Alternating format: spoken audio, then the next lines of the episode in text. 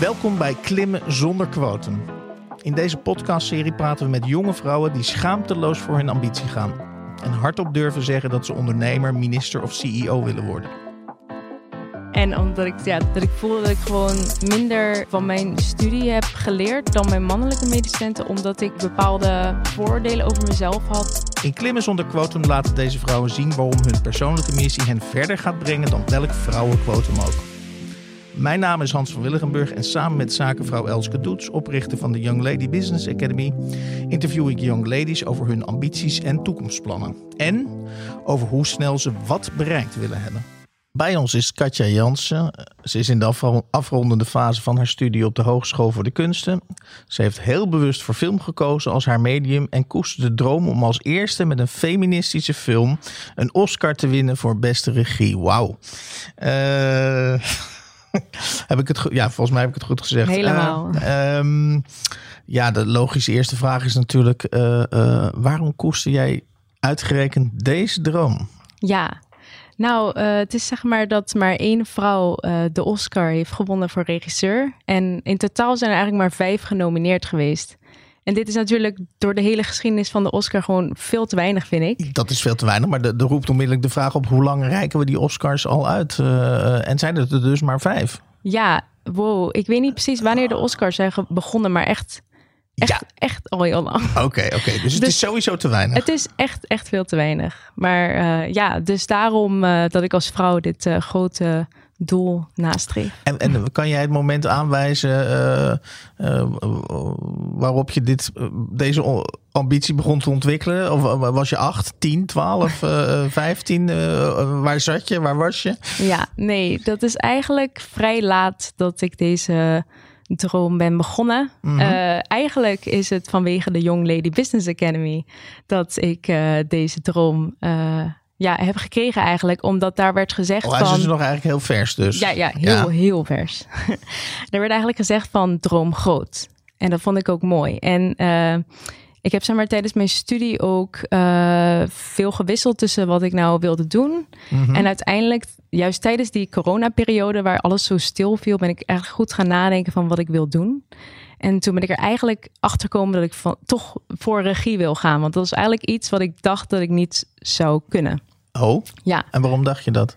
Um, ja, het is zeg maar geweest dat ik uh, tijdens uh, school heb ik um, ja, met individuele opdrachten maken. Dat ging altijd heel goed en zo. Maar als we dingen met de klas deden, um, dan deed ik vaak de soort van wat meer vrouwelijke taken. Dat doe ik zo met quotation marks ja, met mijn ja. En zoals uh, kostuum, make-up uh, ja, en script girl. Ja, het is eigenlijk heel stom. Ik, ik wilde meer technische dingen doen, maar ik ik durfde dat een soort van niet. Of ik weet maar, er, het... maar er is nu een nieuwe Katja opgestaan. Ja, dat is in feite wat er, wat er aan de hand is. Eigenlijk wel. Want ik op een gegeven moment, door de dingen die ook op school gebeurden, dat ik ook niet die de kans kreeg om regie te doen. Uh, voor de klasprojecten en zo. Mm -hmm. uh, heb ik dus uiteindelijk dacht ik van oké, okay, ik ga de richting van montage in. Ja. En uh, ja, toen uiteindelijk met die coronatijd viel alles stil ging ik weer mijn film heropstarten. Want ik zou normaal al gefilmd hebben, maar dat ja, ging toen niet door. Precies, corona, ja. ja. En uh, ja, toen was het eigenlijk van, nee, shit. Ik wil echt gewoon regie gaan doen. Dat past zoveel meer bij mij dan ja, ja, ja, want dat montage. is natuurlijk de intrigerende vraag.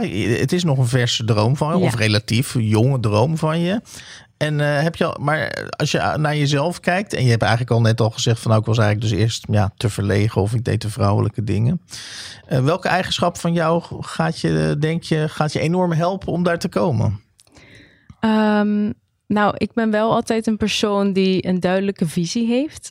Sommige mensen vinden dat ook uh, vrij irritant uh, met, met klassenprojecten. Ik maar zie... waar blijkt dat dan uit, Katja, die visie? Um, weet niet, ik, ik zie het dan echt voor me en dan alle aspecten van hoe ik de film uh, wil vertellen.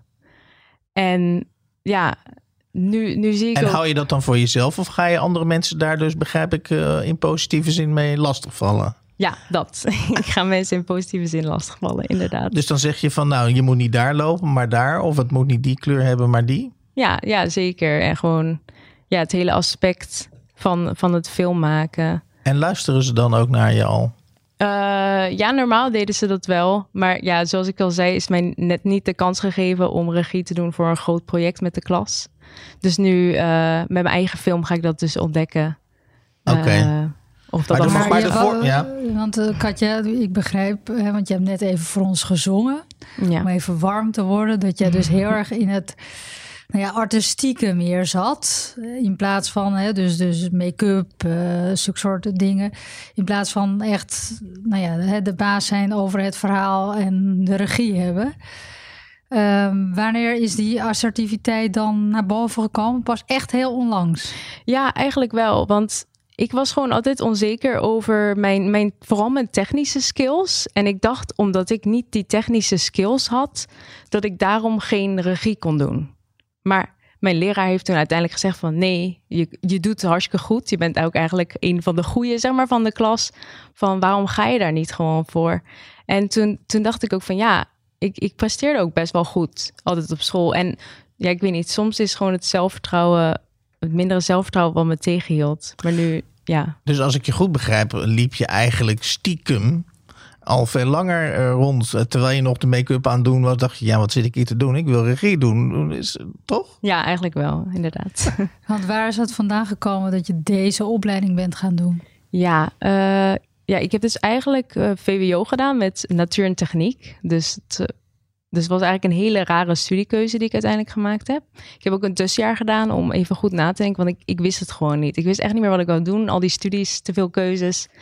En eh, toen uiteindelijk op zo'n eh, zo'n eh, conferentie met allemaal studies en zo, kwam ik zo die studie tegen in Genk. En toen stond ik daar met mijn moeder en eh, ik was daar en ik stelde zo vragen. En toen liep ik weg en toen moest ik heel hard huilen. Ik moest echt heel hard huilen. Ik dacht dan nee, dit is het. En dan ook nee, dit is het, omdat het een creatieve studie is. En dat is niet echt, ja, de, de meest obvious choice als eh, natuur en techniek afgestudeerde VWO'er. Maar dat is interessant. Je moest huilen. Dus, dus eigenlijk omdat je tot de ontdekking kwam dat je misschien wel een keuze ging maken die, ik noem maar even wat, bij je ouders niet misschien minder zou vallen of zo. En niet per se bij mijn ouders, maar meer bij al mijn medestudenten die dan wel eh, die technische vakken gingen doen. Oké. Dus je hebt, oké, ja. Nou, nou wil jij, als ik het, dan ga ik even een stapje maken. Nou wil jij natuurlijk niet zomaar eh, films gaan maken, maar eh, als ik het goed begrepen heb, wil je feministische films gaan maken. Nou ben ik een man, dus dan moet je, nee goed, ik, ik heb er wel een idee over. Maar wat, wat, wat, waar denk jij aan bij de term feministische film? Ja, ja dus, dus feminisme is eigenlijk dat je staat voor de gelijke normen, waarden en rechten voor mannen en vrouwen. Ja. Dus dat vind ik belangrijk. Mannen, Ja. mannen en vrouwen. Ja, En eh, ja, voor mij zijn feministische films, zie ik niet per se eh, films vormen die gaan over de struggles die vrouwen hebben. Maar meer, eh, ik denk dat je feminisme in allerlei soorten films kan verwerken. Allerlei soorten verhalen. Maar En noem dan- misschien eens een film eh, die al feministisch is, die al bestaat. Dat ik denk, oh, dat is een femi vanaf nu, oh, dat is dus een feministische film. Ja, ja, ik heb dus onlangs een supergoeie film gezien. Dat was een eh, Franse film. Die, eh, dat, die heet in het Engels I'm Not an Easy Man. Die kan je ook zien op eh, Netflix. Echt een aanrader. Oké. En eh, ja, die gaat eigenlijk over een man. En dat is echt zo'n typische man die eh, vrouwen nafluit en eh, echt zo'n versierder is. En op een gegeven moment stoot hij zijn hoofd keihard tegen een lantaarnpaal. En dan belandt hij in een omgekeerde realiteit waar vrouwen de baas zijn. En waar mannen eigenlijk de vrouwen moeten gaan versieren. En waar mannen korte rokjes dragen en zich moeten scheren. En ja, die film die zorgt er eigenlijk voor dat je echt gaat nadenken over hoe de werkelijkheid in elkaar zit. En omdat ze, eh, zeg maar, die andere wereld waar vrouwen de baas zijn, als alternatieve realiteit hebben voorgesteld, eh, zie je eigenlijk ook dat dat eigenlijk in ons echte leven, dus mannen en vrouwen, toch niet gelijk zijn. Al, al denken we misschien dat dat wel zo is. Oké. Maar Ja. Katja, ik wil even reageren, want ehm, we worden natuurlijk tegenwoordig steeds meer geconfronteerd met genderneutraliteit, hè, genderneutrale toiletten. Dan denk ik, ja, is eh, feminisme niet een heel oud thema? Moeten we niet toe naar een genderneutrale film? Ehm, ja, dat kan. Ik vind meer dat je gewoon accept- alles moet accepteren. Dus als iemand eh, juist, ja, als iemand een bepaalde keuze maakt die is van als vrouwelijk of mannelijk worden gezien, dat is allemaal oké. Ik denk dat we gewoon minder vooroordelen moeten hebben en ook eh, de, de andere realiteit zeg meer moeten laten zien. Maar wil je zeggen dat jij eigenlijk wel die verschillen tussen die seksen wil laten zien? Want genderneutraliteit wil dat juist uitgummen. Ja, ehm, ja, ik vind het niet. Ja, want inderdaad, het is ook zo dat, dat genderneutraliteit kan ook als negatief worden gezien soms. Ik weet niet, ik heb ooit gehoord van een stam waar vrouwen en mannen gelijk werden opgevoed. En dat ging helemaal mis en hadden ze helemaal geen identiteit meer. Dus ik denk dat het helemaal Nou ja, het is, weg. Het is in die zin omstreden. Er zijn bijvoorbeeld transseksuelen die, of die, die, die van, van seksen willen veranderen.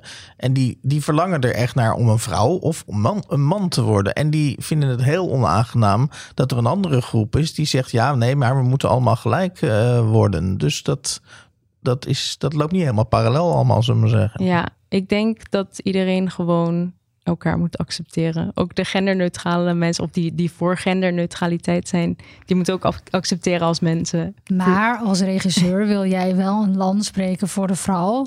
Want Ja. anders wil jij geen feministische films maken. Ja, ja, ja. en waarom gaat dat zo aan je hart? Eh, ja, omdat ik zelf vrouw ben misschien.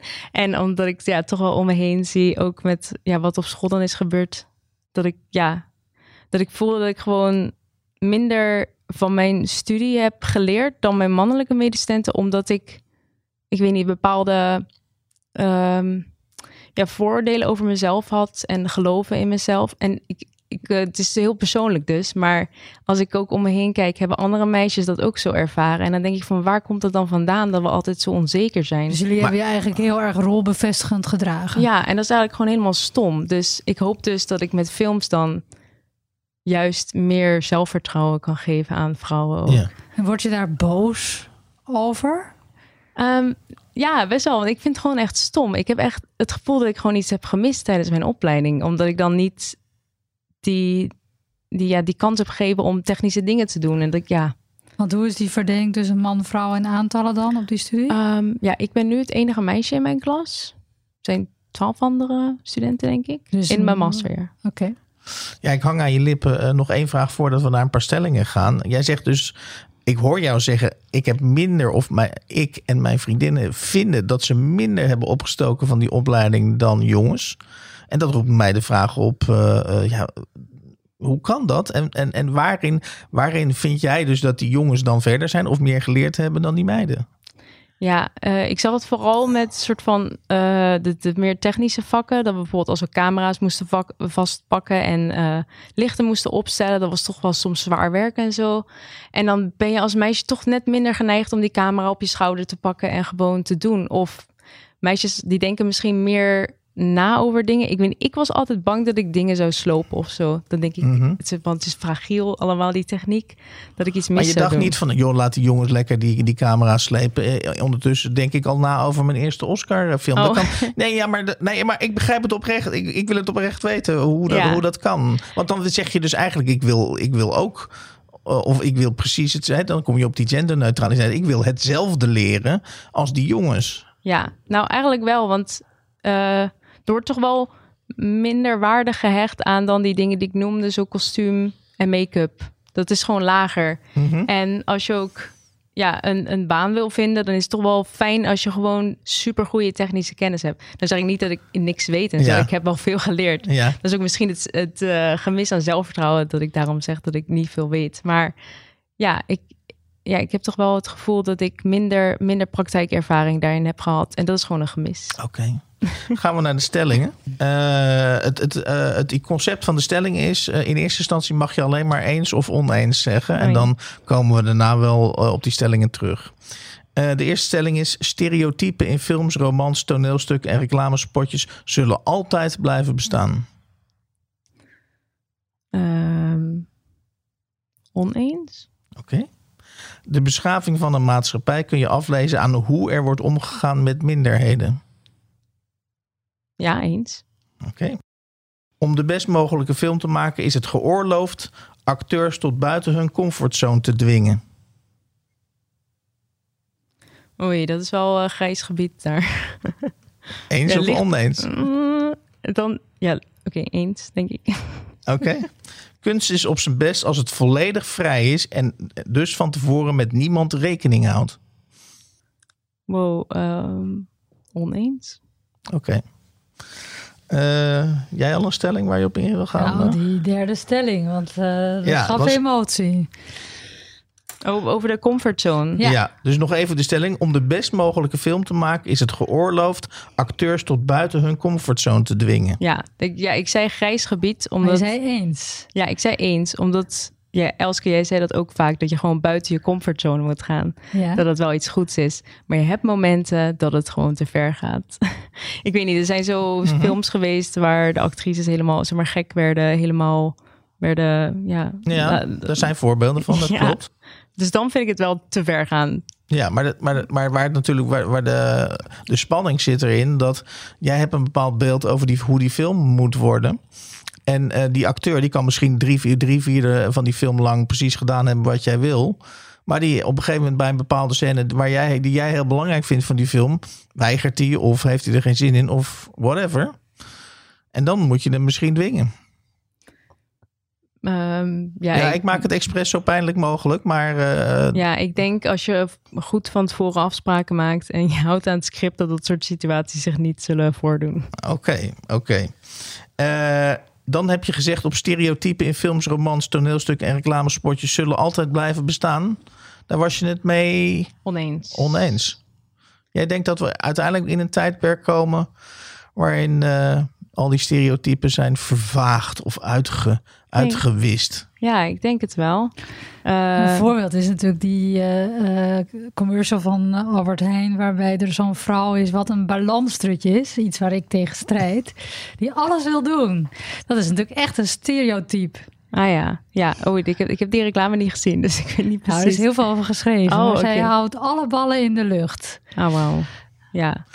Maar je zegt dus eigenlijk, als ik het goed begrijp, want eh, stereotypen geven, die zijn er niet voor niks. Die geven een bepaalde zekerheid of die geven jou een idee over wie je voor je hebt. Mhm. Eh, dat heeft dus ook heel negatieve kanten, dat begrijp ik. Maar eh, jij hebt er dus vertrouwen in dat we dan op een gegeven moment een, een, een tijdperk in, in glijden waar dat helemaal verdwenen is. Ja, ik denk dat we op een gegeven moment gewoon een, een 50-50 procent van bijvoorbeeld mannen en vrouwen in sportreclames zien. Of een huisman en een huisvrouw evenveel in wasreclames of zo. Mhm. Dat dat steeds meer gelijk gaat zijn. En Dat, Oké, ja. interessant.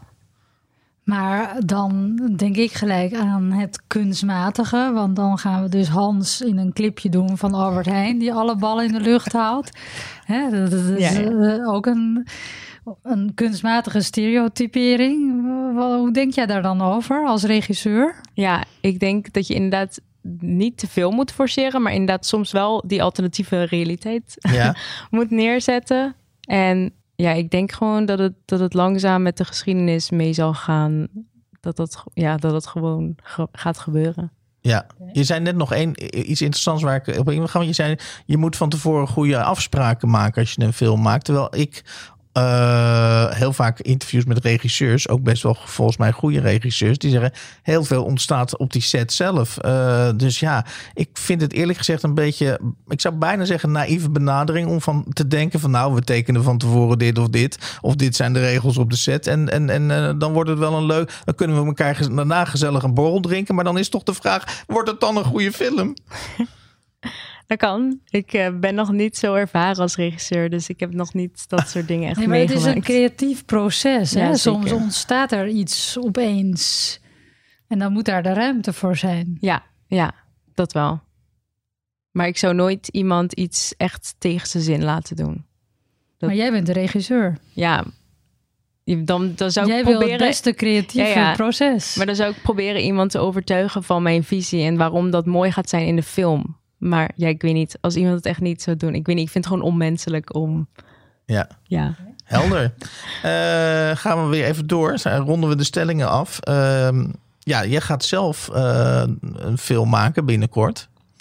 En eh, ik weet niet of dat volgens je eigen definitie dan een feministische film gaat worden. Is, is dat een feministische film die je gaat maken? Ja, ik denk, ik denk van wel. Want ja, ik had zeg maar tijdens het eh, schrijven van die film dat ik echt door had van wow, een film kan echt een mening hebben en eh, Ja. het publiek beïnvloeden. En ik heb dus eh, dat ook geprobeerd te doen in mijn film. Neem ons even mee kort. Eh, als je hè, een filmregisseur moet zijn eh, verhaal kunnen pitchen. Dus dat moet jij nu ook even doen. Ja, oké. Mijn eh, kortfilm genaamd Split Up, eh, die start met eh, het personage Tom. Een twintiger. Alle twee eh, zijn twintigers. En Tom die maakt het uit met Sarah. En uh, wanneer het koppel echt uit elkaar gaat, splitst het scherm zich in tweeën. En zien we zeg maar tegelijk in beeld hoe die beide karakters met de break-up omgaan. Ja. En ik heb dus geprobeerd in die film uh, soort van de twee kanten te laten zien uh, van de, de, vrouwelijke personages. En dan heb je het personage Sarah. Die leert eigenlijk in die film dat ze zonder man kan leven. Dat is haar uiteindelijke les. Mm -hmm. En dan heb ik een ander personage, Kimberly. En Kimberly die gaat zeg maar de ex van Sarah, Tom, die gaat uh, zij versieren. En uh, die belanden ook in bed samen. En ja. ja, ik denk dat door veel mensen dat misschien dat zij door veel mensen als slet bestempeld zou worden. Mm -hmm. Maar ik wil er juist neerzetten als een krachtig personage. Mm -hmm. En gewoon laten zien dat, dat beide kanten oké okay zijn. Oké. Okay.